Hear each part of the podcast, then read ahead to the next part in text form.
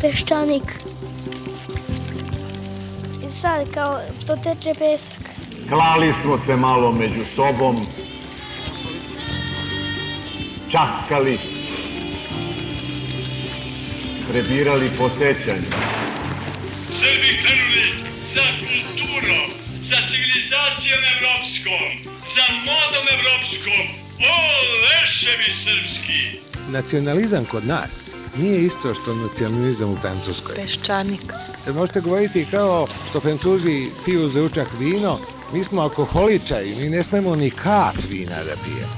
Hajde dalje. Napustimo mračni i sramni Beograd. Iza nas nerazuman lelek nedostojnih peščanik. Ispred nas ciljevi uzvišeni. Ovde pa da ljudi još uvek masovno misle da socijalizam nije tako reći. Može, treći put vodi pravo u Afriku. Ekonomski uvek, ako hoćemo tamo, onda smo na pravom putu. Iznad nas zver koja nas vodi putevima gospodinjim.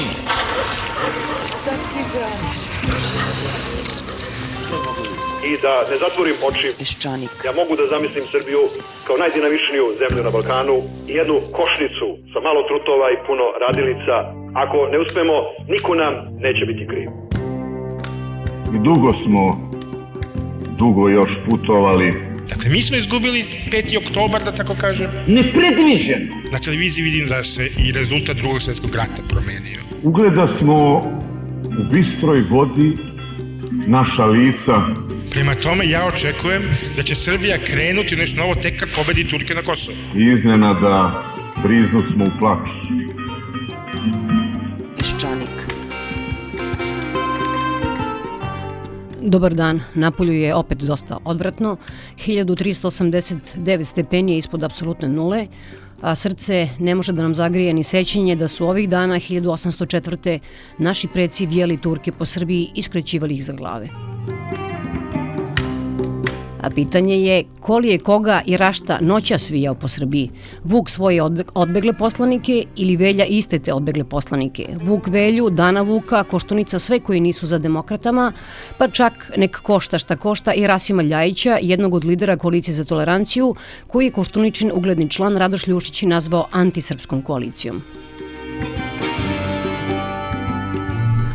Spisak želja Demokratske stranke Srbije i G17+, plus i da li još uvek koalicije SPO i Nova Srbija, počeo je da se ostvaruje. Doduše, nije još rasturan i dekontaminiran Biro za komunikacije vlade Srbije, Ani demokratska stranka se nije životom zaklala da ne postoji još jedan Zoran Đinđić, ali je zato Kori Udovički juče Koštunici ponudila svoju glavu.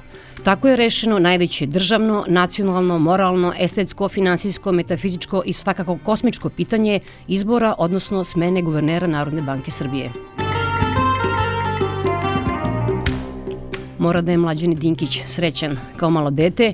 Posle izbora je bio kao tužni dečak, ali se začas u njemu probudio zoro osvetnik i sudbina i čast dinara su ponovo spaseni. U današnjem intervju danasu Labus se žali dok li će samo G17 da vodi racionalnu politiku i kaže da nerešeni problemi u demokratskoj stranci stvaraju velike probleme državi, ali da oni, to je G17, ne žele da se mešaju unutrašnje poslove demokratske stranke. Da Labus poznaje izvesnog gospodina Dinkića, i ova njihova igra dobrog i lošeg policajca je već dosadna. Ali istina je da se svima smučila ova predsednička trka u demokratskoj stranci, da li Živković, da Tadić, dal li Čomićka, da Gavrilović, dal Nišlije, dal Beograđani.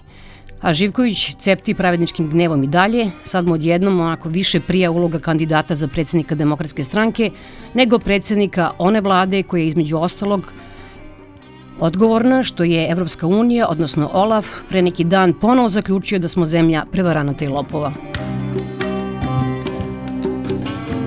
a o Živkovićevim duhovitim opaskama o tome koliko bogatstvo, materijalno, duhovno, spiritističko i svako drugo ova vlada u nasledstvu ostavlja sledećoj, mogli bi se spevati stihovi koje bi uglazbila njegova omiljena pevačica Ceca Slavković. Umeđu vremenu, kao što treba, narod preuzima stvar u svoje ruke, radnici u Milanovcu, Žablju, Zrenjaninu zauzimaju zgrade opština. Dragan Marković iz čuvenog krmivo produkta kaže da ako njegovi radnici zauzimaju opštine i on svoju opštinu za trku ima. Zauzeće opštinu Zemun jer je nezadovoljen cenom jaja.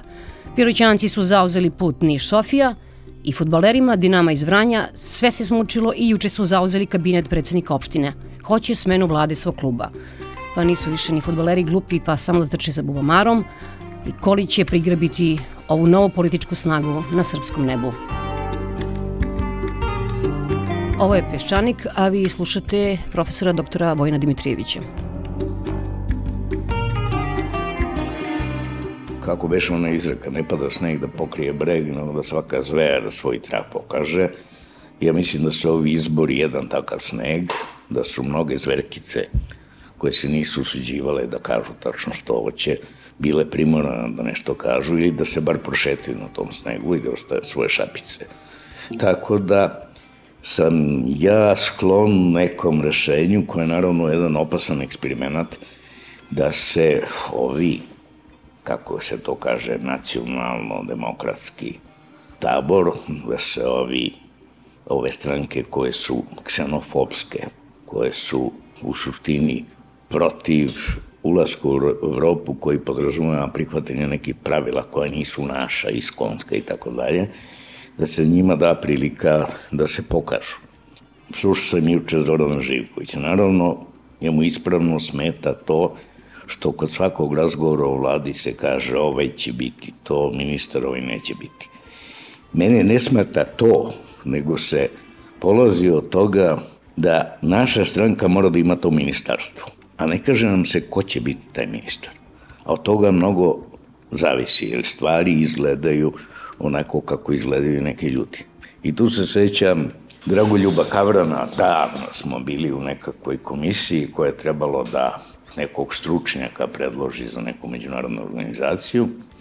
I onda se tu govorilo ljudima, onda je došao neko iz Bosne i kaže, pa i mi imamo za to mesto čoveka mi smo pitali ko je taj čovek, oni kažu, pa naći ćemo ga. I onda Kabran rekao, pa čuj, ovde se traže stručnjaka, ne bosanac. Tako je ovo, ovde se traži ministar u koga imam neko poverenje da nešto zna, a ne pripadnik ove ili one stranke. I prosto mislim da bi da bismo mi imali neku predstavu u toj vladi kad bismo znali, a znamo vrlo malo, ko se predlaže za ministre. Jedan od problema DSS-a je njihova vlada u senci. Njihova vlada u senci, većina članova te vlade, nisu položili onaj ispit, onaj test koji se zove negde test prepoznavanja imena. Jel da se Maršićinina, probajte da se setite nekog člana te vlade u senci. To još uvek je prerano da se misli da svaka stranka kod nas ima kompletnu ekipu za sve moguće presore. I to je bila jedno, jedna od prednosti dosa jer su se mogli uzimati ljudi iz malih stranaka koji su im pokazali neku sposobnost. Uzmite Čovića, što god vi mislite o njemu, on je neosporno sposoban čovjek. Sad to neće moći, sad će morati da dolaze ljudi iz stranaka koje su se izborile za tu poziciju u parlamentu, pa nećemo ni pitati kakvi su. Ili ćete imati ljude, kao što je G17+, koji se nude kao nešto što se u stranim bankama zove asset manager. Dajte mi svoje pare, ja umem s njima. Pretpostavimo da je Srbija jedan milionerski bogataš, pa će da nađe čoveka koji će da investira lepo i desno, da se ne brine za te pare. Ali pitanje je kako će se zaraditi pare, je da to njih ne interesuje. I uopšte ne možemo, još rano da se mi specializujemo za stručnjake samo za jednu stvar. Dakle, ako ćemo da vodimo neku ekonomiju ili da raspolažemo nekim novcem, moramo da vidimo gde ćemo ga dobiti. A nećemo ga dobiti samo zato što imamo najbolju ekonomsku politiku, najbolje ekonomske stručnjake, nego ćemo ga dobiti ako donesemo prave političke odluke koje možda znače gubitak u pogledu prestiže, nekih nebeskih stvari, ali znače popunjavanje kase. Zato ja ne mogu da razumem, recimo, i tu tvrdnju da mi ne moramo da srađamo sa Haškim tribunalom, jer ćemo smanjiti porezu ne znam, sa 70% na 40% i onda će svi da pohrle da plate tu porezu i onda nam te pare neće trebati. Toliko ja znam, Srbin neće da plati ni 3% poraza ako ne mora da plati. Ali je to rečeno samo zato da bi se izbegle čupave teme a čupave teme su Kosovo, čupava tema je saradnja sa Haškim tribunalom, čupave teme su one teme koje su tabuizirane. A kod nas većina političara se ne usuđuje da jurne u tabu, a da možda pre toga ne proveri da li je to još uvek tabu. Boba Selnić je volao da citira, ja mislim da je to tekst e, Malinovskog čuvenog, o nekakvom polinežanskom selu koji je skapalo od gladi, a imalo je jedno drvo s koga se moglo jesti, ali je tabu zabranjivo i niko nije pipnuo to hlebno drvo ili kako se zove i selo je izumrlo. Tako i kod nas karakteristika većina naših političara je da se boje da rizikuju da budu vođe. E, vi morate da izađete s nekom tezom, pa i da propadnete, pa da se ponovo vratite. Nadamo se da kod nas niko neće da osvoji vlast, pa da posle ukine izbore, mada ima i takih koji bi volili o tome da razmišljaju, pa će biti sledeća šansa. Ja sam bio zadivljan čitajući Mitteranovu biografiju, koliko puta je taj čovjek padao i uzdizao se, imao je neki levičarski program, jel da, i teo je da ga ostvari. Koliko su dugo laburisti čekali da dođu na vlast u Engleskoj, a ovde jel, niko neće da rizikuje. Prema tome, ja mislim da bi, kao i mnogi drugi, da bi novi izbori bili naravno rizik, pretežno rizik abstinencije. Prema tome, ne verujem da radikali mnogo više porastu. Sada su oni ponos time što su radikali, ranije su krili pa su glasali, Sad možete da ih predvidite, verovatno, u ispitivanju javnog mnjenja. Ne vjerujem da će oni porasti, ali će biti, i to nije ništa što sam ja izmislio, bit će velika abstinencija zbog nesposobnosti svih ovih stranaka da se dogovori. Ceo ovaj napor da se okrivi nekog drugi već postaje dosadan. E sada, ako govorimo o opcijama, ako bi ova opcija koja je modernizatorska, koja je reformska, koja je proevropska, koje se rasulo u nekoliko stranaka. Ako bi ona uspela da savlada sujete, ako bi neki ljudi koji su neopravdano na lošem glasu u javnosti pristali da se privremeno povuku, onda bi tu bila jedna šansa. Suviše su velike interesi u pitanju nacije i države. Suviše lako možemo da skliznemo u crnu rupu, U tom slučaju međunarodna zajednica, pošto više ne možemo da pravimo toliku štetu, neće mnogo da se interesuje za nas, jel da pustiće nas da baš se krčkamo u svom sobstvenom služu dok ne počnemo da pravimo opet neke probleme, ali karakteristično je da taj pojam Zapadnog Balkana, u koji spadamo mi, Makedonija, Kosovo, Albanija i tako dalje, on se smanjuje Bugarska je pobegla iz tog pojma, Rumunija beži iz tog pojma i mi sad ostajemo ono što se zove u Bosni Karakazan, onaj čađavi kazan gde ne znam šta se unutra došao. I mislim da se mora govoriti o tim pitanjima i da to nisu pitanja manje ili veće stručnosti, nego su pitanja politike, a politika je izbor vrednosti. To je definicija politike, ako se ja razumem, mada nisam analitičan. I e, mene onda nerviraju ljudi koji u svim tim raspravama nastupaju potpuno bezvrednostno, kao da smo mi Švajcarska, pa će od vlade da zavisi gde će koji tramvaj da prođe. Radi se o vitalnim osnovnim interesima i veliki je luksus da mi sada počnemo da se igramo i da zarad toga što ćemo bolje ili gore proći na nekim izborima, zaboravimo, zaboravimo na te. Kako vi razumite, da, recimo, jučerašnji susret e, Vojislava Koštunice sa Čovićem, a, onda je bio Slobodan Orlić i koliko znam, nisam baš sigurna da je bio gospodin Rasim Dejić. Pošto to nisu parlamentarne stranke, to se ne mogu nikakva većine dobiti, ali možda bi se moglo time što bi neki prvaci tih stranaka sposobnih ljudi bili zadržani na položajima, onda bi se rešilo ovo pitanje na koje sam ja aludirao, sposobnih ministara. Ne može da se Čoviću prigovoriti da nesposobno, ne može da se i Ljajiću reći da nije jedno od najboljih rešenja za ovaj jedan rosur koji nisu samo ljudska prava, nego razni neprijatni poslovi, jeli, u vezi sa saradnjom sa tribunalom. Ja bi to tako protumačio. To bi bilo čak dobro, svedočilo dobro o Koštunici, da on vodi računa o ličnostima jer njega bije glas da je zlopamtilo, da neke ljude ne može da podnese i tako dalje.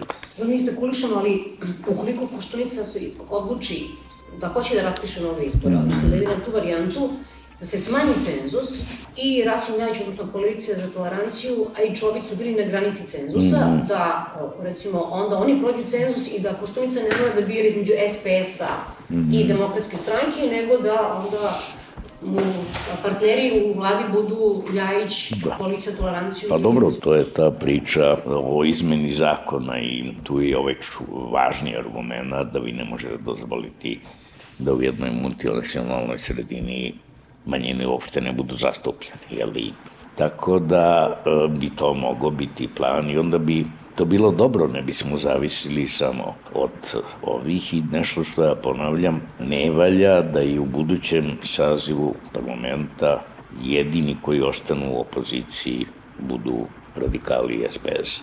Jer opozicija profitira, jel da, svuda se u svetu i u dvopartijskim sistemima se posle izvesnog vremena vlast mora da promeni, jer svuda je sklona korupciji, svuda i najrazvijenim zemljama, i pravljenju grešaka, ono se smatra dobro vlast kvari, svi ste se imali pokvarili, doći novi čisti. Ali mi smo imali tu alternativu da naravno su bili u prilici krajnja desnica i njihovi mnogobrojni mediji, mnogobrojni mediji, da do te mere naduvaju ovo što se dešavalo u ovoj vlasti, da smo došli dotle da i ozbiljni ljudi, jel da u vašim emisijama tvrde da Da recimo skandal Kolasara Njuševića ravan ubistu Ivana Stambulića i Ćuruvije, mada moram da napravim paralelu da me niko pogrešno ne razume. Da Francuzi malo, malo pometnu nekog ministra u zator, ali nikome ne pada na pamet da umesto demokratije u Francuskoj dovede onoga Le ili, i da to ukine. Mi smo skloni, a to je vaš, valjda i naše obrazovanje pod socijalizmom, da je sve apsolutno dobro i apsolutno loše. I nekako nismo spremni za ono što ima jedan engleski idiom, da, da znamo kako lopta odskače. Da, nikad nije baš život onako kako piše u pravilima. Da, nisu ujedinjene nacije ono što piše u povelji. I sad, da se ne oslobodimo tih mogućnosti da jedno razrušenje, jel, da, koje traži, naravno, energičnu akciju, ne svedemo na onu pravu meru i padamo u očaj ja onda i tvrdimo da je početno 2000 bilo mnogo bolje nego sada, ja da? Dotle ćemo se nalaziti u toj gužvi u kojoj će da profitiraju vrlo sumnjivi ljudi. Vojislav Koštunica je definitivno čovjek, odnosno njegova stranka, koja nekako vodi tu političku igru mm, mm. Šta ste vi, ne mislim novo saznali na njima, nego prosto s kakvom i političkom partijom ili političkim liderom prosto imamo posla. Jel? Gledam, jedan da čovek, ono, zapravo, ako pogledate ponašanje u toku čele borbe protiv režima Miloševićevog, tamo neke stvari u toj politici njemu i nekim ljudima oko njega nisu smetale. Prema tome smetalo im je nešto drugo, jel? Da onda imate jedan veliki priliv posle 5. oktobra, ljudi koji su zapravo napravili jedan mali korak u svom uverenju od obožavanja Slobodana Miloševića, obožavanja ovoga noga i sad ta stranka trpi pritisak takvih ljudi, prema tome nema tu nekog toliko gađanja. A s druge strane imate očigledno taj otpor, Đinjić je bio vrlo jak. Ja priznajem da je u ovoj vladi bilo vrlo loših ministara, ali interesantno da ti koji su po mom mišljenju loši, oni nisu iz demokratske stranke ali se pripisuje sve njima i tome, što je opet neka vrsta otpora prema reformi. Tako prema tome imao posla s ljudima koji legitimno misle da je ono bilo ono što kažu socijalisti, oni neće voleti da ih poredim s njima, bilo ono grešaka, ili, ali nije bilo zločina, nije bilo teških stvari, a ovde je bilo gore. I naravno ta vrsta opcije mora da postoji na našoj sceni u toj stranci. Ja imam neke prijatelje koji su intelektualno daleko interesantniji od nekih mojih političkih istomišljenika, ali mislim to sklonost igranju i ta vrsta slepila da ja gledam Vučelića, ne mogu da zaboravim da je bio na paradi jedne kriminalne jedinice, jeli? i da to vreme ipak nije tako davno, da nije govor radikalima zbog grešaka koje su pravili radikali Nikole Pašića, nego je govor o nečemu vrlo skorom i živećem i što se kod male provokacije ponovo vidi, to mislim da je jedan odnos koji je, ne vodi računa o stvarnim interesima ovih naroda. Jer onda ne treba ni da se čude što opet ovaj sumnjivi biznis koji izdržava ove tabloide – ne želi radikale, jer radikali uzimaju reket, oni znaju dobro kako se radi to, nego upravo želi jednu vlast koja će da se bavi prošlošću, pisanjem nekih pravila, ustava, nekih velikih stvari, a ostavit će ih da radi šta hoće. I tome ja vidim opasnost. Ali mislim, ponavljam, mislim da su koalicije nama još uvek potrebne, jer jednostavno nemamo dovoljno ministara za vladu su zajedno bili opasnosti. Mi smo imali jedan fašizam. a te fašizam, kad kažem fašizam, tu nema velike razlike od populizma. To su stranke bez programa koje povlađuju, koje imaju neke svoje interese i povlađuju onome što trenutno gomila misli. Milošević je njih uveo u igru u onoj meri koliko su njemu bili korisni. Pa onda stavi malo Šešelju u zatvor, pa i Milošević je pomoći njih plašio inostranstvo. Ako odem ja, evo doći, evo ali oni su bili kontrolisani fašisti ili populisti, ajde, da ih ne vrećam. Međutim, sad nam preti opasnost da nam iznikne pravi taj pokret protiv koga osjećate onu nemoć da ne možete da se borite argumentima. Ja se uvek sećam Španskog građanskog rata, je da kad je neki Franko general na početku stigao na univerštetu u Salamanki, gde je tada predavao bio rektor Unamuno, ko najveći španski filozof i onda je ova budala neka rekla ono čuveno viva la muerte, živela smrt. I ona Muno koji je bio ovako van tih stvari, on se digao i kaže ovako nešto strašno, nisam čuo ko može da veliča smrt. I onda su na Muna i žviždali, i ispljovali, i vikali budalo, starkeljo i tako. I mi smo u toj situaciji da mnogi ljudi neće da se usude da odu u amfiteatr nekih fakulteta, i da kažu nešto razumno, jer neće dobiti protiv argument. Čak ni ovaj cinični da, recimo, ubiti Stambolića isto kao ukrasti 200 dinara, nego će dobiti onaj agresivni pritisak. Recimo, da sam sad pratio ovo što se desilo u takmičenju za retoriku na pravnom fakultetu. Ovaj mladi čovek koga nisu pustili u konkurenciju. Ali meni je žao što vaš radio nije bio tamo ne da čuje njega, nego da čuje dobitnike. To je nešto protiv čega je teško ustati sam argumentima.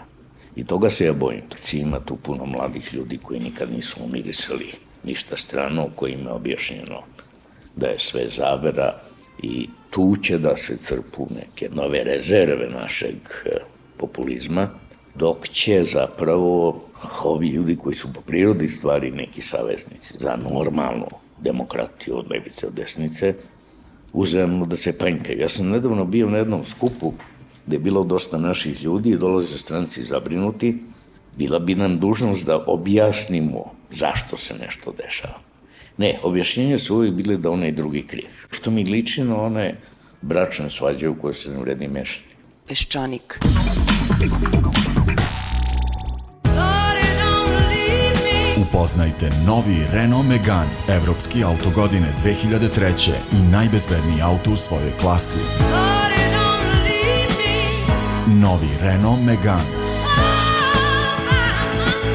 Snaga privlačnosti.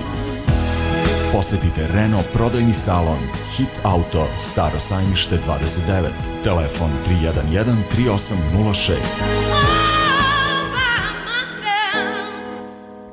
Da li znate da dve čaše crnog vina dnevno smanjuju rizik od bolesti srca i krvnih sudova?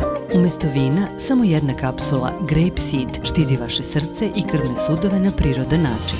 Grape Seed, kapsule sa ekstraktom semena crnog grožđa, snižavaju nivo holesterola i triglicerida u krvi, smanjuju rizik od povišenog pritiska, ateroskleroze i infarkta. Grape Seed i Sinergija Prirodan izbor. Ivančić i sinovi. www.ivancic.com Telefon 3231 543.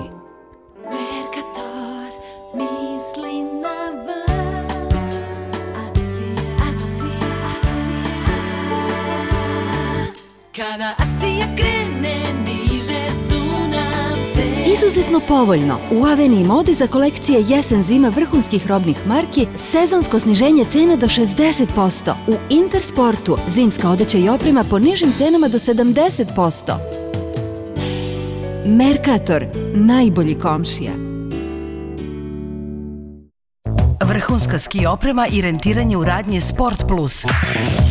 Bulevar Kralja Aleksandra 48 telefon 3242 I da čujemo vremensku prognozu iz Integra Motors. Do 1. marta nas očekuje lepo vreme sa povremenim padavinama i temperaturama do minus 200 eura za dizel Dačiju Solencu. Renault motor, Renault menjač za samo 6800 evra sa carinom. Dizel Dacia Solenca 214 5151. Evo je već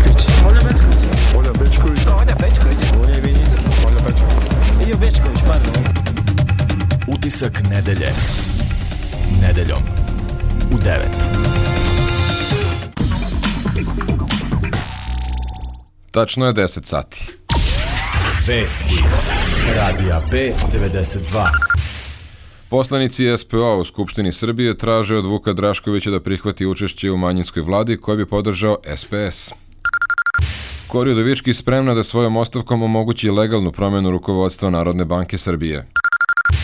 Hari Holkeri i Bajrem Redžepi sinoć razgovarali o mestu početka dijaloga Beograda i Prištine. Šef UNMIKA danas o tome razgovara i s predstavnicima kosovskih partija. Vrhovni sud ukinuo presudu Andriji Drašković za ubistvo Zvonka Plećića u beogradskom restoranu Knez Royal. Danas, pred specijalnim sudom, nastavak suđenja mlada, Mlađanu Mićiću Pacovu. I vaš automobil može zvučati savršeno. Limenka savršenog italijanskog motornog ulja. Bergolajn.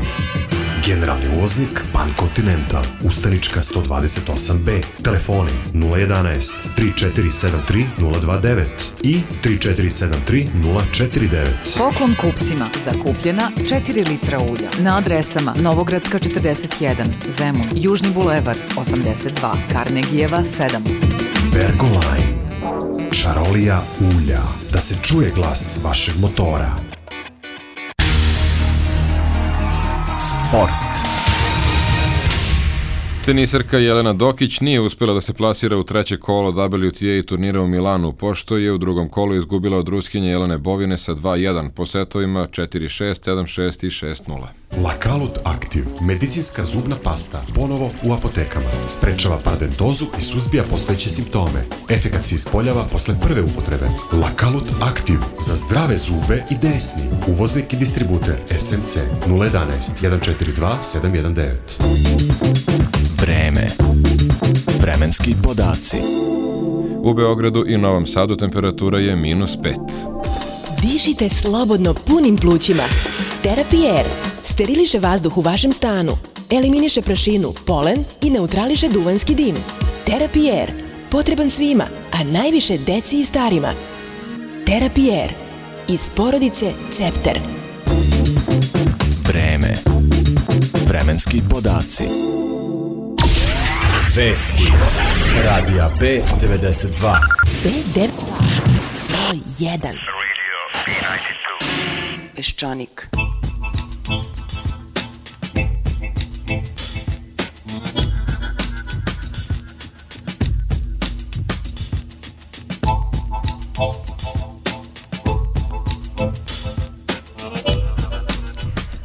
Na početku Peščanika slušali ste gospodina Vojna Dimitrijevića iz Građanskog savjeza Srbije, a sada ćete čuti Vladimira Gligorova. Gospodin Gligorov je po profesiji ekonomista, nekada je bio naš sugrađanin, predavao na Fakultetu političkih nauka dosta davno.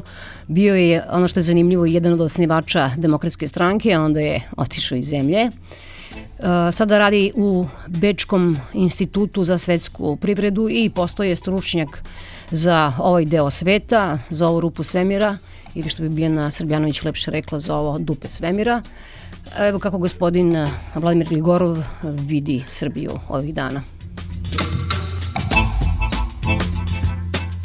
Očigledno je da ta četvorka koja se nekako zove demokratskim blokom ne može da dođe do nečeg e, što bi bilo zajedničko čak ni, ni u tom smislu ko će šta da radi u toj vladi, odnosno ko će na kom mestu da bude, a nek moli da se dogovore o tome koji je to program koji treba da sprovode, tako da možda bi bilo bolje da, da oni zaista razgovaraju o tom programu, ali mislim da kada bi to radili onda pogotovo ne bi mogli da se dogovore. To je izbjegavanje u stvari tog glavnog pitanja šta bi ta vlada trebala da radi jednom kad se uspostavi I tu je, ja mislim, tako da kažem, osnovni problem.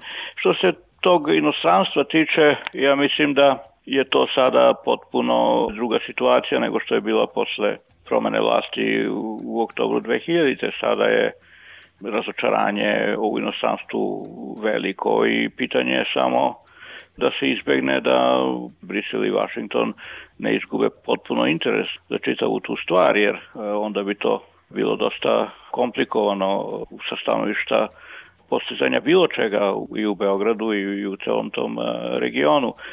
Nije toliko da će se dići potpuno ruke, nego će se prosto svesti to na nezainteresovanost i uspostavljanje ili održavanje onih odnosa koji su minimalno neophodni da ne bi došlo do, do nečeg rđavog. Više od toga je teško pretpostaviti. Evo recimo kad se uzme samo to što je približavanje Europskoj uniji, to je odloženo i u stvari situacija se pogoršava, ide se više u dezintegraciju nego, nego u integraciju, ako sam tako da kažem, onda niz tih e, međunarodnih odnosa od kojih jedna mala zemlja izuzetno puno zavisi, to je sve nešto što sad je praktično nije na dnevnom redu ove partije koje pregovaraju o, o vladi, a i o, pogotovo ove koje kao radikalna nisu u toj stvari ni angažovane, one nemaju u stvari uopšte tu međunarodnu dimenziju u vidu. Oni to shvate kao problem kad neko doleti iz Vašingtona da s njima razgovara, pa im onda kaže kako je to, onda se oni nešto malo uzbude kad nema vlade koja recimo treba da rešava te stvari, opet uzem taj primer kao što su ti trgovački odnosi sa Evropskom unijom, koji su od, od izuzetnog značaja za srpsku privredu, to je naravno trošak.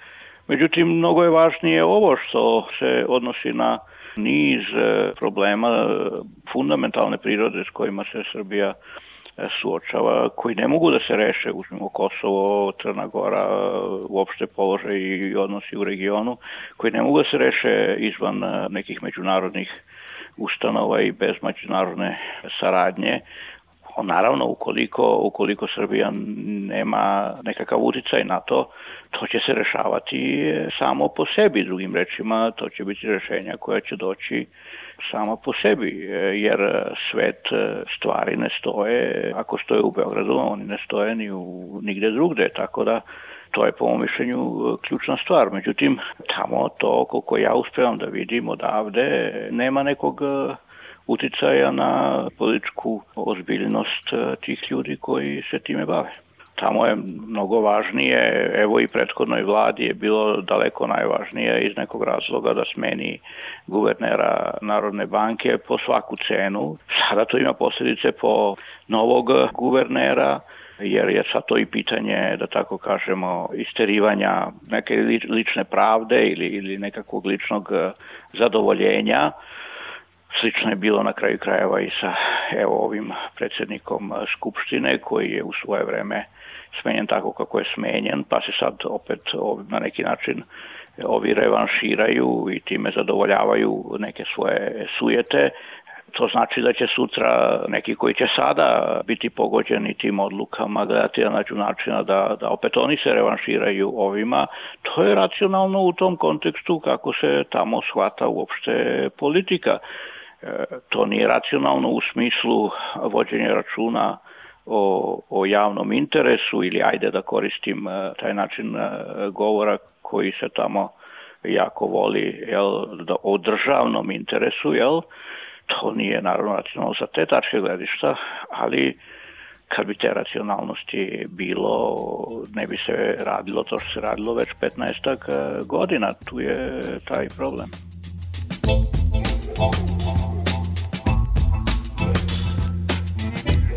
Voja Koštunica želi da nekako uspostavi neke normalne odnose s obzirom na, na situaciju u kojoj se zemlja našla posle ovih izbora Na kraju krajeva ljudi su glasali tako kako su glasali i dobijen je parlament takav kakav se ili skupština tako kakva jeste i sad besmisleno nastaviti sad te neke podele i prepirke kao što je bilo do sada. S druge strane, to Demokratska stranka Srbije radi nekonzistentno, jer je ipak nespremna da ulazi u te odnose i koalicije koji bi bili neophodni ukoliko bi ona htela da zaista tako se ponaša kao nekakva partija koja će u stvari da objedinjava čitav taj politički galimatijas e, koji tamo postoji i onda ne želi sa ovima, odnosno želi sa onima toliko, želi sa ovima onoliko i to je taj problem.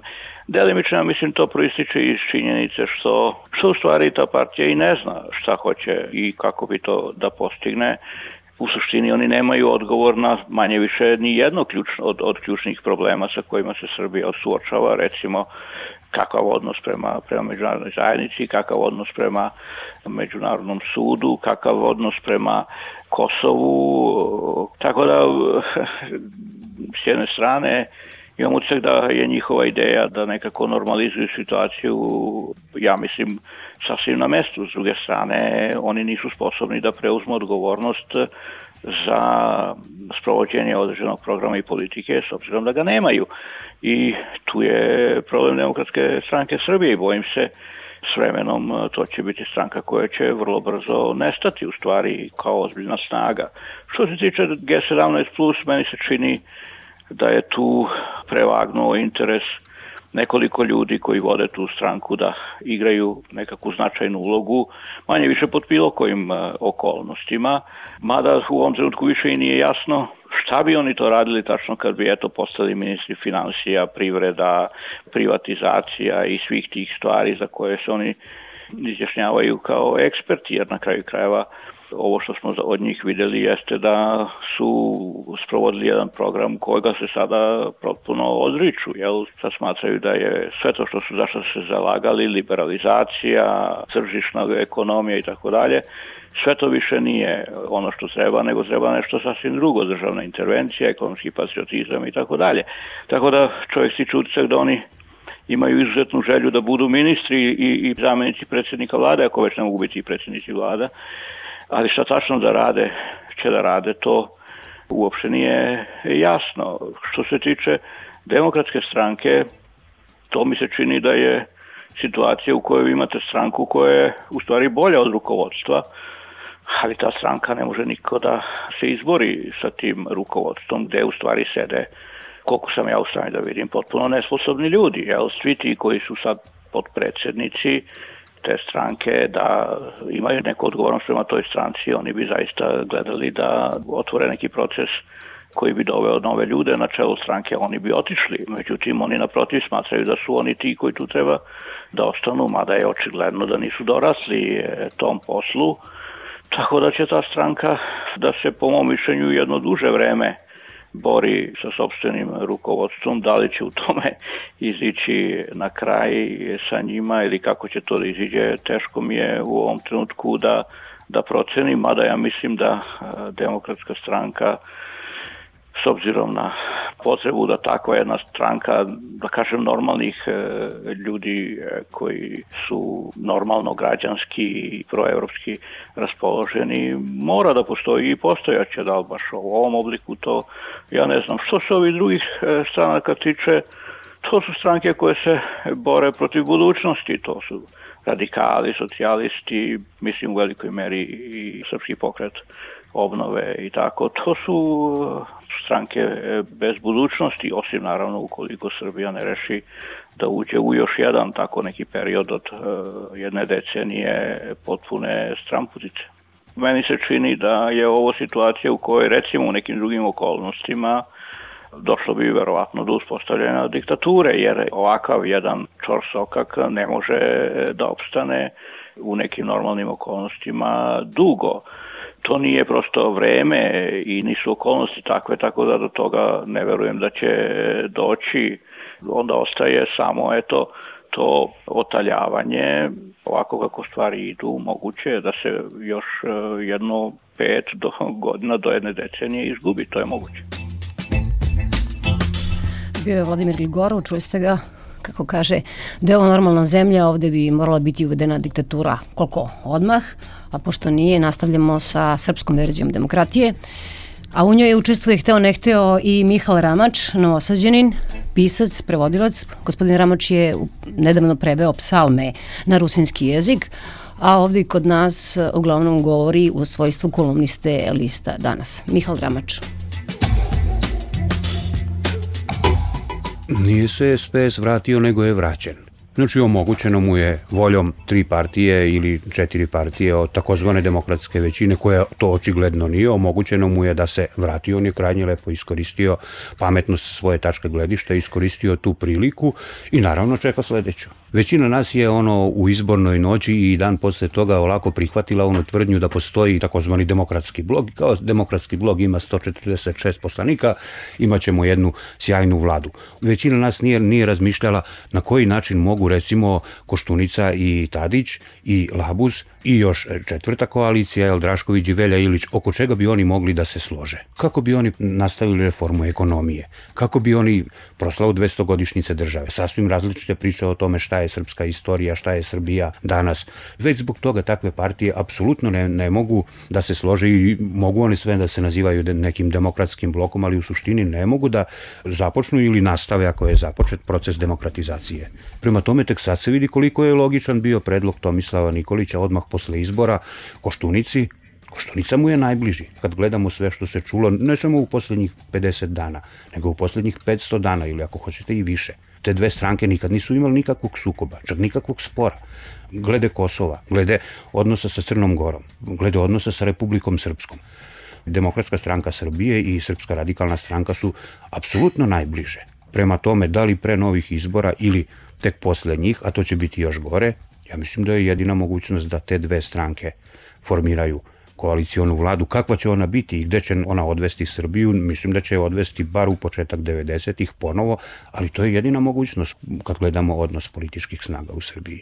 Stanje duha kad gledate u Srbiji, to je jedina mogućnost. Mislim, što se mi tako brzo predajemo? Ali šta drugo uraditi? Postoji Čankova priča, trebalo je zabraniti radikalnu stranku. Čekaj, nisam ja bio na vlasti, on je bio na vlasti, odnosno u vlasti. Prosto ako već nije zabranjeno, ako je to stranka koja slobodno deluje u ovoj zemlji. Ja ne vidim na, načina kako da se zaustavi. Ja pogotovo kad gledam ovde u Vojvodini.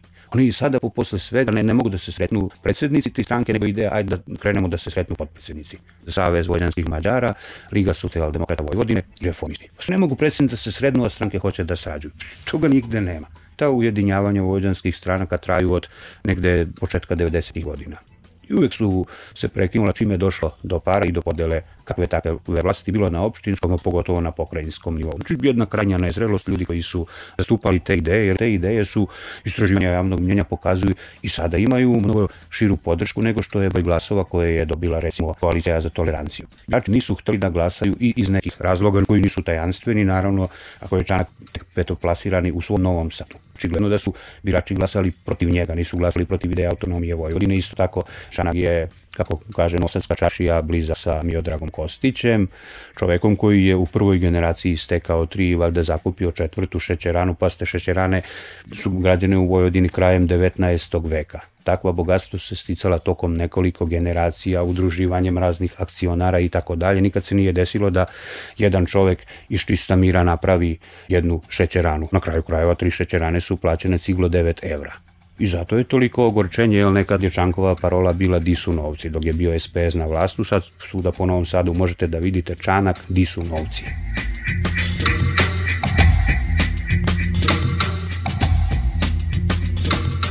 Meni se čini na osnovu nekih informacija počeo od toga da je SPS tražio između ostalog e, kao uslov za podršku vladi da se, kako je Vučilić to rekao, obračunaju sa autonomaškom bulumentom, kako je rekao, s druge strane, gospodin Toma Nikolić potrebljava takođe teške reči, praktično preti. Imam utisak da u tom smislu dosta napeta situacija prestoji ovde u Vojvodini. Ono već jeste, to se vidi po mnogim incidentima. Ja čak mislim da ne mora baš sve da bude na nacionalnoj osnovi, nego na osnovi neke obesti, odnosno toga da bude što gore ne može se ni, ni u ozbiljnijim državama uhvatiti svako ko razbije negde neki prozor.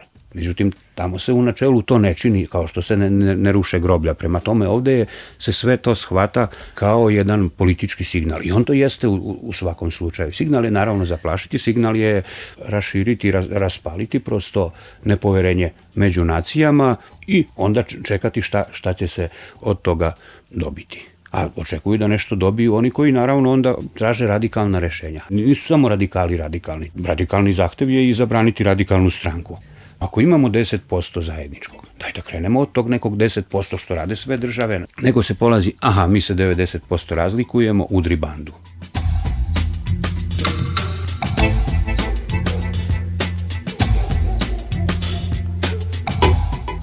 demokratska stranka Srbije, odnosno njeni ljudi ovde, oni su komotni posmatrači svega. Bili su kratko vreme u pokrajinskoj vlasti, u Gradskoj u Novom Sadu i dalje učestvuju sa nekim procentom u upravnim odborima, naravno tamo gde su tamo učestvuju, to nisu ostavljali. Sve vreme su ono lagodno posmatrali sa strane i govorili ovo vam ne valja, ovo ne valja, ovo ne valja. I deo birača se prihvatio takav način razmišljanja kao ovo stvarno ne valja. Pa naravno da ne valja, vidi svako da ne valja i ne razmišlja onda šta je ono što valja. Ono što sam ja razumeo što njihovi kadrovi recimo ovde u, u Novom Sadu nude i šta pričaju. Tu je u suštini jedan polumrak koji smo već gledali, nema perspektive, ne, nema neke svetlosti, nego sve tako, ne, nekakvo gunđanje, prosto jedna amorfna politika koja uvek ne, nešto po, počne da kaže, pa prekine rečenicu, pa počne no, no, novu rečenicu i opet tako i vi nikad ne, ne znate na čemu ste. Znam neke od tih ljudi. Kaže, ne znam, Vojvođani su protiv Srbije. Ma koji Vojvođani nije protiv Srbije? Mislim, nema sva istraživanja i politička praksa nema više od 5% koji su za odcepljenje kad se krene posle pete litre u kafani, pa se tu i tamo može da čuje kao Vojvodina treba da bude država. To je prosto besmislena ideja. Ali oni su sve vreme i radikali i DSS i SPS sve vreme kao separatisti hoće da odvoje Vojvodinu. Prosto birači se time zaplašuju kao, e vidite ovi hoće da odcepe Vojvodinu, glasajte protiv njih. што е, кажем, по мене смешно, ал, што се може чу, чути сваки дан, по, поготово на тим телевизијама кои се блиска ел радикалима или Коштуници или СПС-у, сваки дан борба против војданског сепаратизма.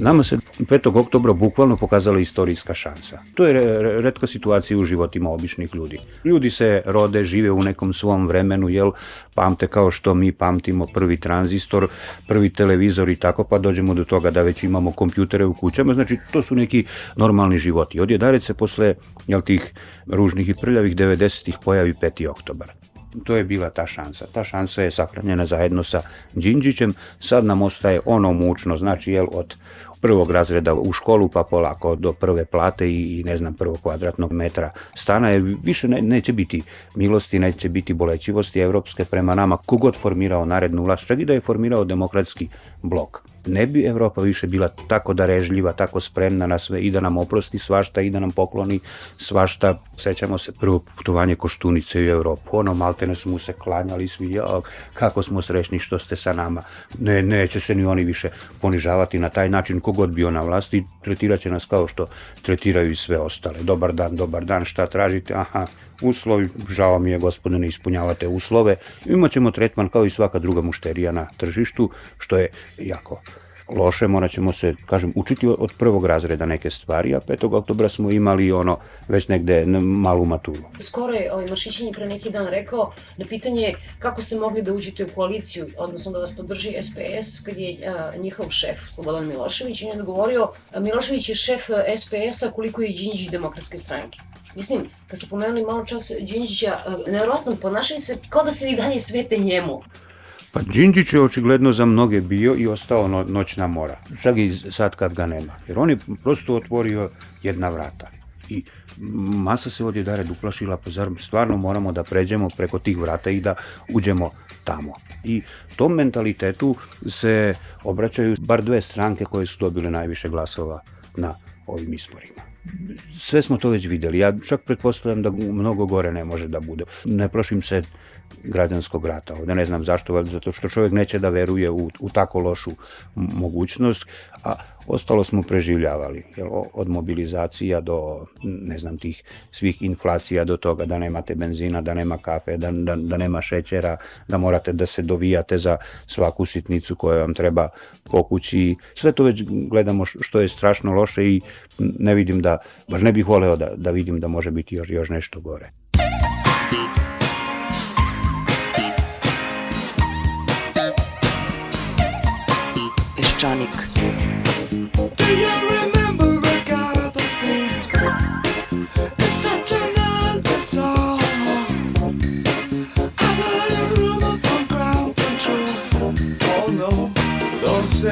true.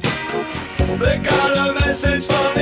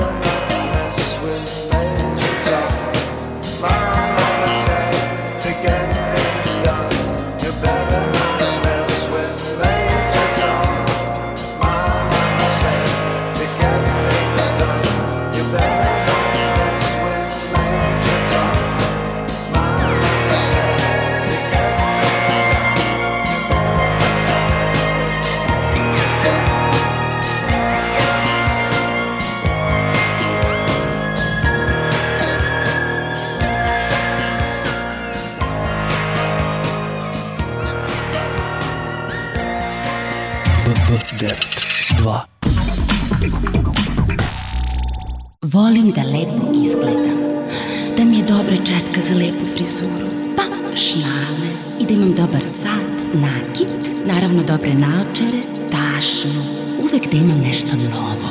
Volim da budem lepa. Nova kolekcija za jesen i zimu, Evita Peroni i nova iznenađenja.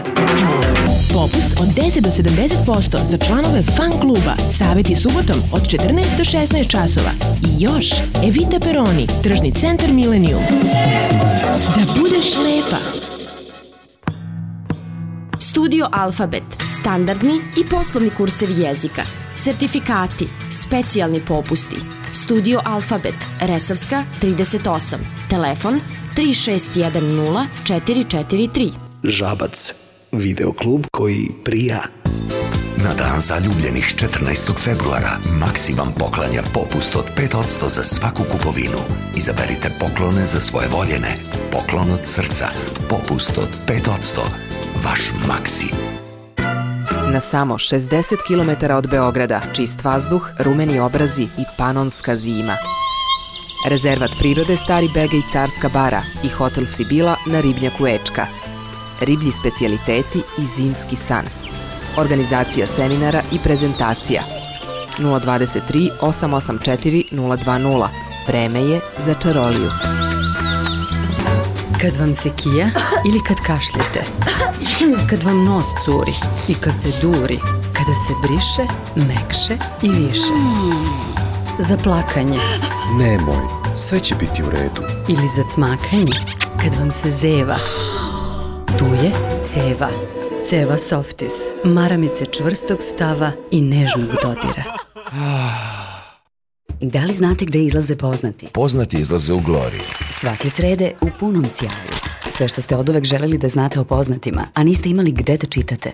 Nenad Zimonjić intimno. U domu Mire Banjac.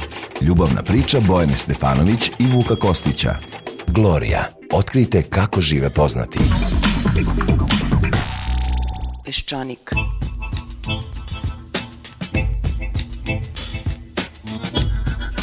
Nastavljamo sa Vojvođanima, ali samo još malo, da slučajno Peščanik ne bude saučesnik u narušavanju teritorijalnog integriteta Srbije.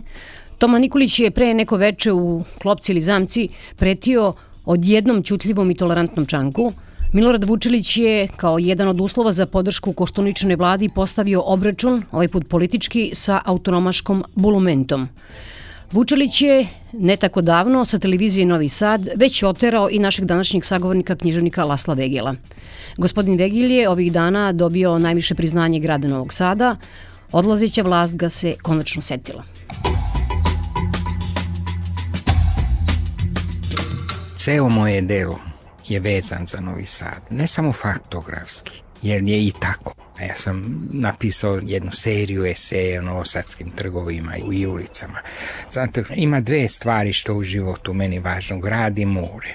More je neko, neka zajednička domovina, a, a grad je grad jednog bezdomnog lokal patriota. I tako da sam ja jako vezan za Novi Sad ali zaista me iznenadio i teško da, da mogu objasniti kako sam ja došao na red. Možda u jednom zlostutnom periodu probudio se taj drugi Novi Sad i možda taj drugi Novi Sad odjednom teo da kaže neki memento. Možda u, baš u teškom trenutku, kada je sve napeto, možda onda su se setili da postoji još jedan čovjek koji je njihov. I tako sam ja dobio tu nagradu. Tako sam pozdravio prvo gradonačelnika na mađarskom, a to zvuči tistelt polgarmešter úr. Onda sam rekao, dame i gospodo, hölgyeim és uraim, onda sam rekao, drage prijatelji, kedves barátaim. Aplauz je bio tako velik, za mene tako neobičan, da ja sam se zbunio i nisam znao, tako sam sišao dole na moje mesto, nisam znao da li da sednem, da li još da stojim.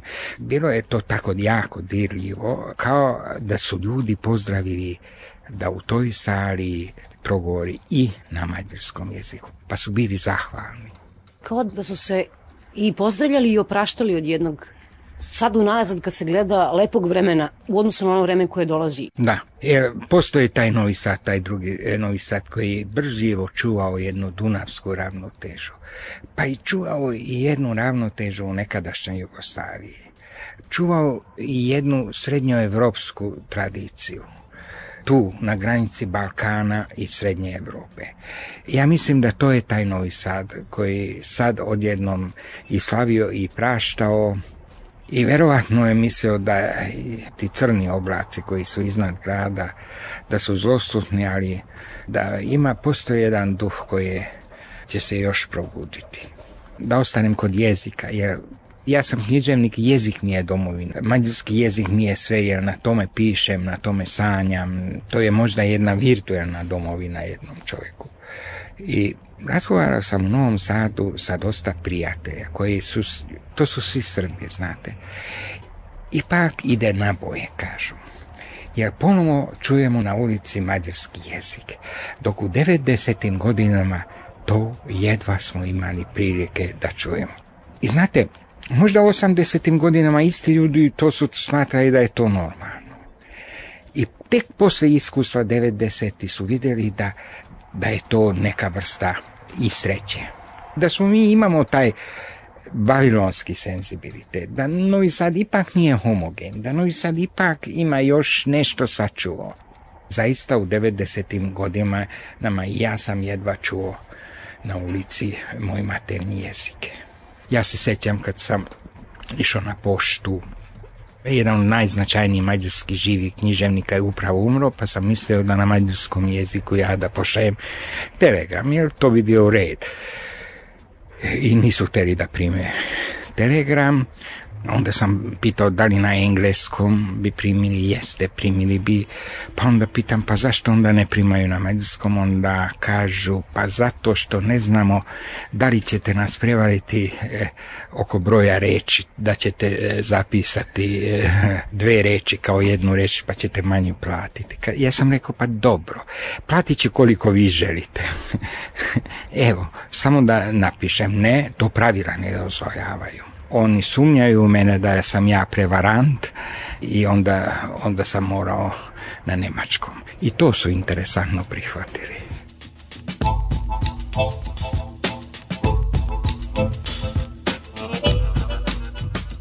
U političkoj teoriji autonomija je e, znak liberalne podele vlasti, da uvek većina bude kontrolisana i da nosioci centralne vlasti budu kontrolisani. To je demokratska ideja, apsolutno par excellence. Ponekad se to i ne kaže tako nego se kaže Vojvodina. Znači, to je kao lozinka. Ja kad sednem u autobus, pa sednem pored jednog čovjeka, ajde da kažem, on je Srbin, i on kaže, ja sam Vojvođanin. On je s time rekao da on nije nacionalista, da želi eh, jedan istorijski kompromis sa eh, manjinama, da poštuje ono što je drugačije, to u svakodnevnom životu. E sad, postoji jedna druga struja. Tako da što se toga tiče, tu postoji jedan konflikt unutar većinskog naroda. Manjinci su uvek e, eh, na ovoj strani spontano spontano, bez neke ideološke doktrine. Znate, odete u Temerin pa razgovarate sa jednim seljakom, mađarem, on, on će potvrditi da je on vojvođanin. I to dobro dođe naglašavanje teritorijalnog identiteta za svakog građanina u Vojvodini. Jer to na kraju krajeva, ako dobro promišljamo, to je jedan dobar balans. I neku manjinsku isključivost eliminiše. Ta osjeća pripadnost teritorijalnoj zajednici. Znate, Mnogi eh, u Beogradu bi trebali bi da pozdravljaju naglašavanje između ostalog i vojvođanskog identiteta, jer ona ne može da zameni nacionalni identitet niti Srba, niti Mađara, ali čim neko daje naglasak i na taj identitet, onog trenutka on prihvaća pluralizam identiteta. I to je jako dobro. I to bi trebalo jedna pametna vlast, jedna pametna politička kultura to bi stimulisao, nagrađivao bi, da vam kažem iskreno, a ne bi gledao u, tim formama secesiju ili nešto neprijateljsko ili nešto čega se treba stideti. A kakve su političke igre u partijama, to je jedno drugo pitanje. Često ni automanši e, političari nisu demokrati. Ali ipak, više je u toj grupi ta demokratska kultura razvijenija jer ih vezuje neke norme, neki kanoni. I ne treba ni misliti da autonomije Vojvodine izmislili su nekoliko političara, autonomaša. Nisu oni. To je neka tradicija koja i jedna vrsta politička kultura što svaki dnevni čovek ima. I on ima onog trenutka kad poseti komšiju. To je već politika.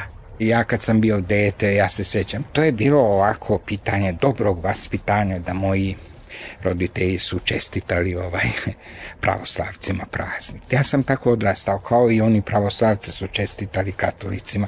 To su bile porodične slave i kod jednih i kod drugih. Nije to bila neka ideologija, ali smo smatrali da to tako treba da se ponaša jedan kulturan, normalan čovjek. To je ono što ja govorim da je autonomaštvo. E sad, i tu postoji jedan pitomi pritisak na političke elite da to ne zaborave. I onda iz toga se rađa ideja autonomaštva koju ja mislim da ne bi škodilo nikome u ovoj državi.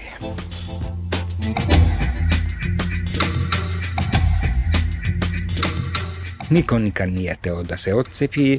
Danas odcepljenje Vojvodine, to znate, mogli bi da pišete jednu dramu u Joneskovom stilu. To je jednostavno jedna od najabsurdnijih ideja. To niko ne pomišlja više ozbiljno. Ima i kod manjinaca nacionalista, takvog sam sreo, ali niko još nije rekao ni najveći nacionalista da bi želeo da se Vojvodina odcepi kuda. To jednostavno nikome više ne treba. To je to.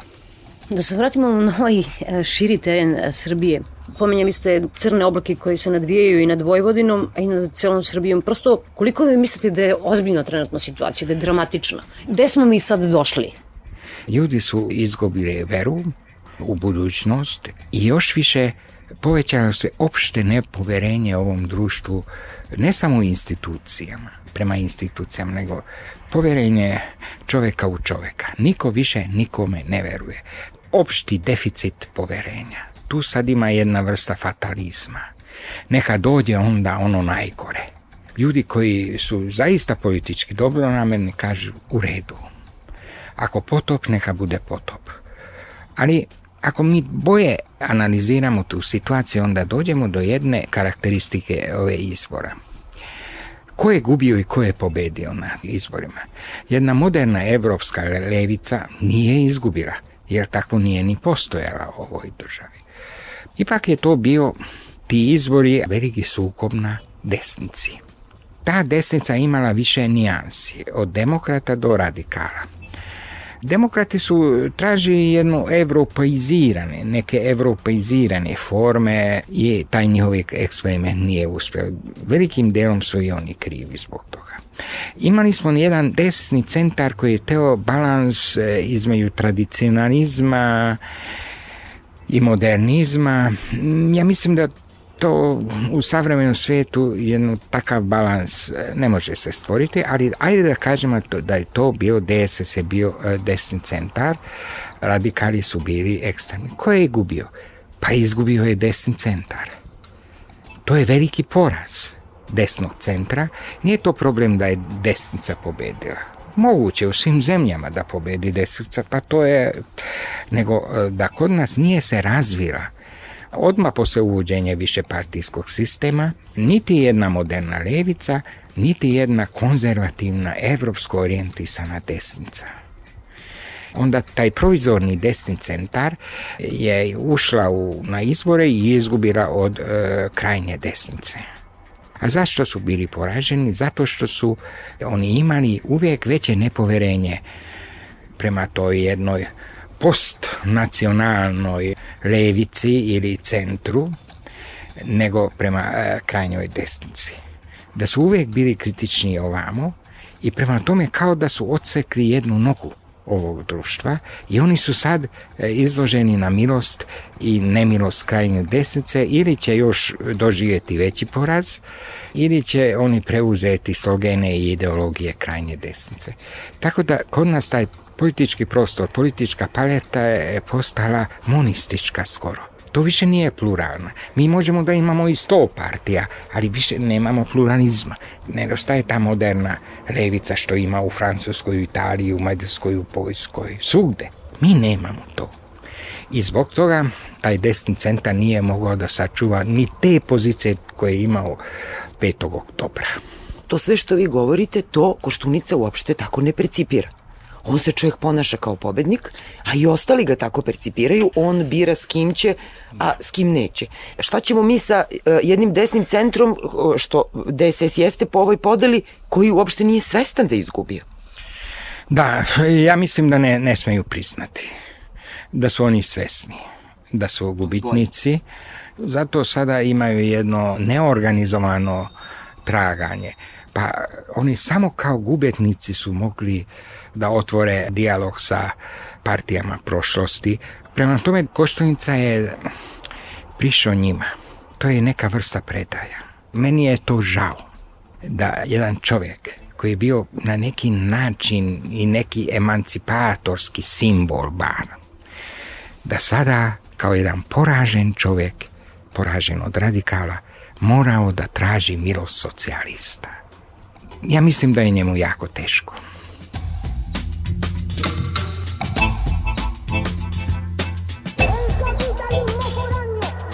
Svi se bore oko vlasti, ali i ujedno ima i strah od vlasti. Sve fotelje su prazne, niko ne sme da sedne i traži saučesnike da bi seo.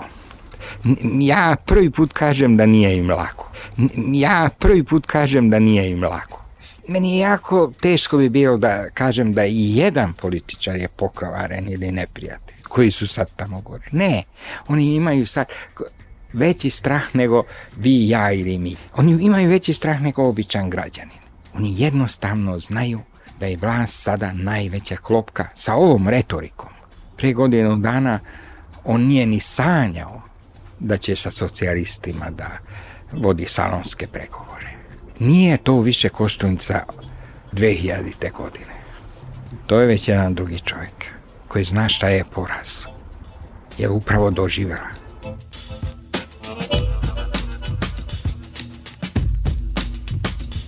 Jedno ste to pominjali, da će on biti poražen jednog dana i u sobstvenoj stranci. Da je on u stvari manjina u sobstvenoj stranci. Jeste. Da on u svojoj stranci drži kormilo i e, kormila, ali brod ide i bez kormilara. I da tako sad već i on ne vodi taj brod. Šta ćemo mi? Evo, mi ćemo možda za dve nedelje, možda za dve nedelje imati vladu čiji će on biti predsednik. Ta vlada će biti vlada nemoći može da pokrene jedan mehanizam koji simulira postojanje institucije i reafirmisanje, ali stvarnost je analična. Nad stvarnošću nije gospoda. Nije gospoda više nad ljudskim dušama koji idu u jedan e, drugi pravac i koja se radikalizuje. Mislim, ljudi su zaista i siromašni i očajni i uvređeni i haos je u glavama. I uvijek na tom tlu može da izraste to cveće zlo. To cveće zlo, to je to s kojom ništa neće moći ta nova vlada. Da bi izašla kao zaista pobednik, da bi mogla da vlada, da bi bila sposobna za to, ona mora da ima demokratsku i evropsku auru i velike odlučnosti. Može da traje i četiri godine, i dve godine, svejedno ona je nemoćna, ona neće moći da vuče taj teret što ima. Znači, čak i ako se oni ne uspeju da se dogovore, pa mi ponavljamo izbore, sve to isto. Sve to isto. Sada bi trebalo nešto jedna druga samosvest. U stvari, a novim izborima da neke partije za jedno veoma kratko vreme da se transformišu unutar sebe, da kažu idemo ka Evropi i nema nikakve snage koje će to eh, da sprečava ili da sabotira i da e, ospori. To je prvo. Jeste hak postoji, to je realnost, tu nema kalkulantskog ponašanja. Novi povednici bi tako trebali da uđu na izbor boje tako da izgube nego da pobede sa dvosmislenom retorikom koje posle njima vezuje ruke. Naročito sa onim reči je reč. Reč više nije reč. Ja sam jako zabrinut kao čovjek.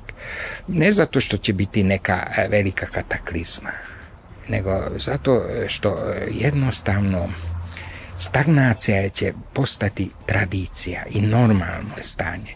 Znate, Više to nije stagnacija, kriza, tapkanje na mestu.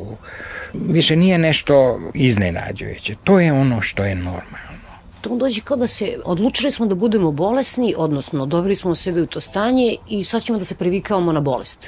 Da, sada da. Sada smo e, odlučili da za 15 godina ne ulazimo u Evropu. 15 godina je sigurno. Može i tako živeti ali taj život će biti jako težak i prepun razni previranje, improvizacije, uvek na granici opasnosti. Mi smo postali jedno rizično društvo, umjesto da budemo konsolidovano društvo.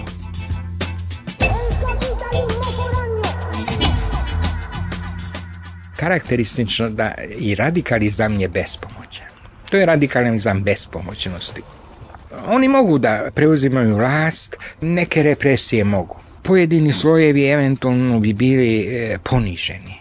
To je moguće i to će biti bolno. Ali državu ne mogu da spase. Tako da, e, da za državu kao jednu strukturu potpuno je svejedno da li to ne sa radikalima ili bez njih. E, znate, na bajonetima se može boriti, ali ne možete na njima sedeti i vladati. Tako da tu sa silom ne može više ova zemlja, ni sa radikalizmom, ni sa radikalima, nego potpuno novim idejama. To nedostaje, tu je kriza. Radikalima su poklonili jedan mit ove druge snage. Mit da oni su snažni. Nisu oni sami sa delima to izborili. Oni su isto gubitnici bili u 90. godinama. Tako da, bez napretka samo imate krizu. Ako, znate, kad kola počinje u blatu i nema snage da izvuče, onda samo tone. To Toneti sa radikanima i bez njih to je sad možda... Više estetsko pitanje. Estetsko pitanje, tačno, tačno. Mogu da nas kinje, recimo novinare... Jeste, javni. da je eliminišu nekoliko nezavisnih medija, u kulturi, može se povećati antimanjinski ispad i sve to se može. Ako tako odluče. Ali pitanje da li će tako odlučiti. Je, zašto? Već za dva, tri meseca će videti da oni nemaju snagu sa ovim idejama da menjaju stvarnost. Stvarni život će da poraži radikalske ideje. One su već bile jednom poražene, treba i još jednom i bit će onda razrušeni posljednji mit.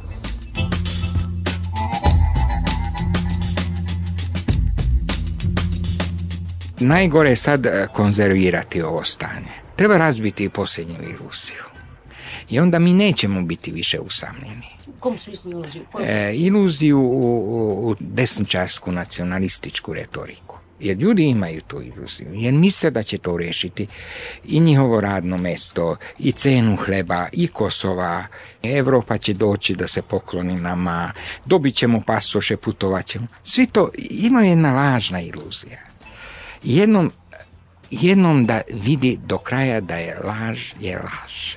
Jer do sad, do sad nikad nije bila situacija e, da se tačno pravi e, razliku između laži i istine. Znate, i 5. oktober je, oktobar je na neki način e, e, ulepšao tu razliku i, e, i dao neobrazreženu nadu pružio. I sa tom nadom smo uh, sakrili uh, razliku između istine i laži. Jednom treba već uh, suočiti šta je laž. I, i onda odjednom nećemo biti sami, jer ja, mnogi ljudi koji sad nadaju da radikalski put vodi u raj, da radikalski put vodi u raj, treba reći, gospodo, probajmo da vidimo taj raj.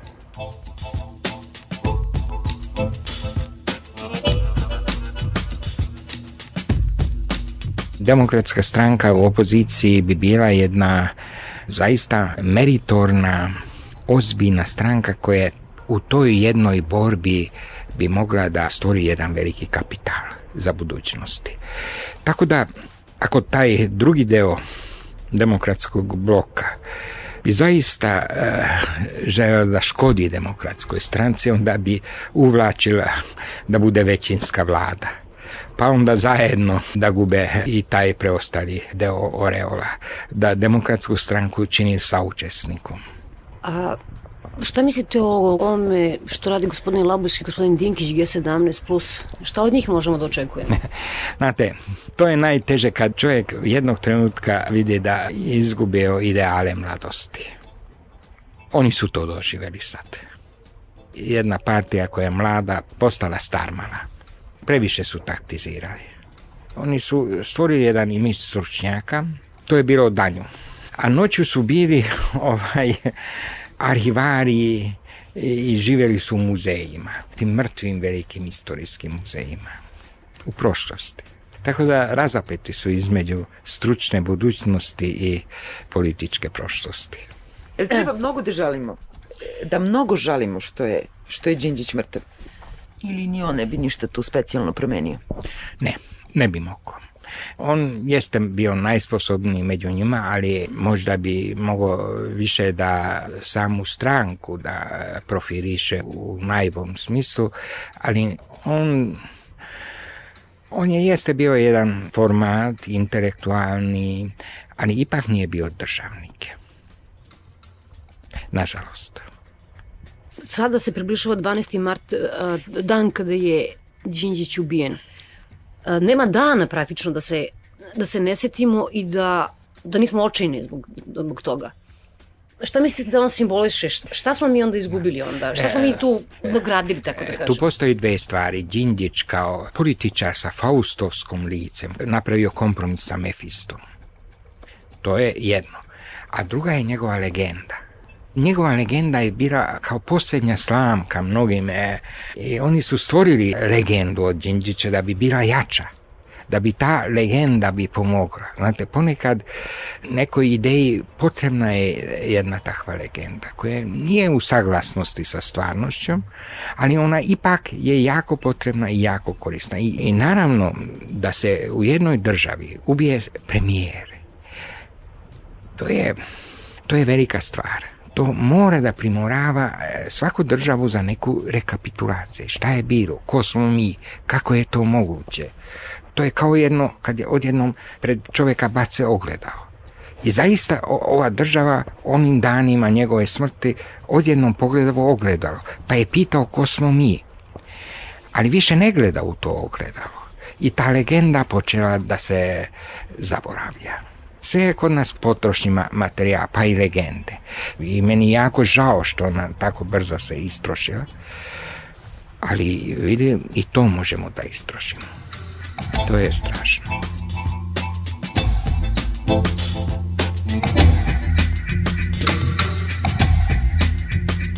Pogledajte samo nacionalizam mudri glavi. Šta je postalo od toga? Turbo folk. I oni su istrošili svoje neke mesijanske ideje. Ne, to je turbo folk. A Dobrica Ćosić sedi gore i kuka, ja sam bolestan. Ne pitajte me više ništa. Zato što je Ceca značajnija ličnost nego Dobrica Ćosić. Kako smo mi dovde došli? To je 80 godina. Razvira se jedna ideja o jednoj centralističkoj, unitarističkoj Jugoslaviji. I kada ta ideja kako se ojačava, i kako se raspala, u tom procesu Srbija osjeća kao gubitnik. I možda Srbija jedina zemlja koja se ne može da izleči od toga. Srbija još uvijek leči se od tih rana koje su stvoreni, koje je možda sama sebi stvorila. Da li će se ova država preći na jedan drugi kolosek i kaže da jeste desilo, ali nisam gubitnik, nego živim svoj život tu ti izbori su pokazali, te konfrontacije, da nije nešto raščišćeno. I ruka prošlosti će nas uvijek da povuče unazad. Negde sam pročitala, čini mi se da je Kundera skoro rekao da u jednom istorijskom trenutku Česima je pretilo opasnost da budu asimilovani i onda vam rekao Česi su odlučili da prežive kao Česi. Tačno. Či, znači, mi nismo donuli odluku da ova zemlja i mi zajedno sa njom preživimo. Da.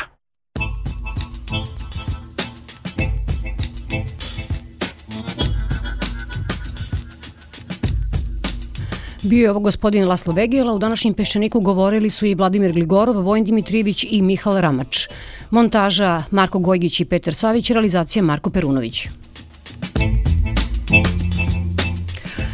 Srećna vam 200 godina Srpske države, Srećna vam dve godine od početka suđenja Slobodanu Miloševiću juče, srećan vam dan zaljubljenih sutra i petak 13. danas. A vas vole obe Svetlane za uvek i od uvek i ja sad moram da idem jer me vreme pregazilo, vreme je za reklame, a onda za vesti. Viđenja.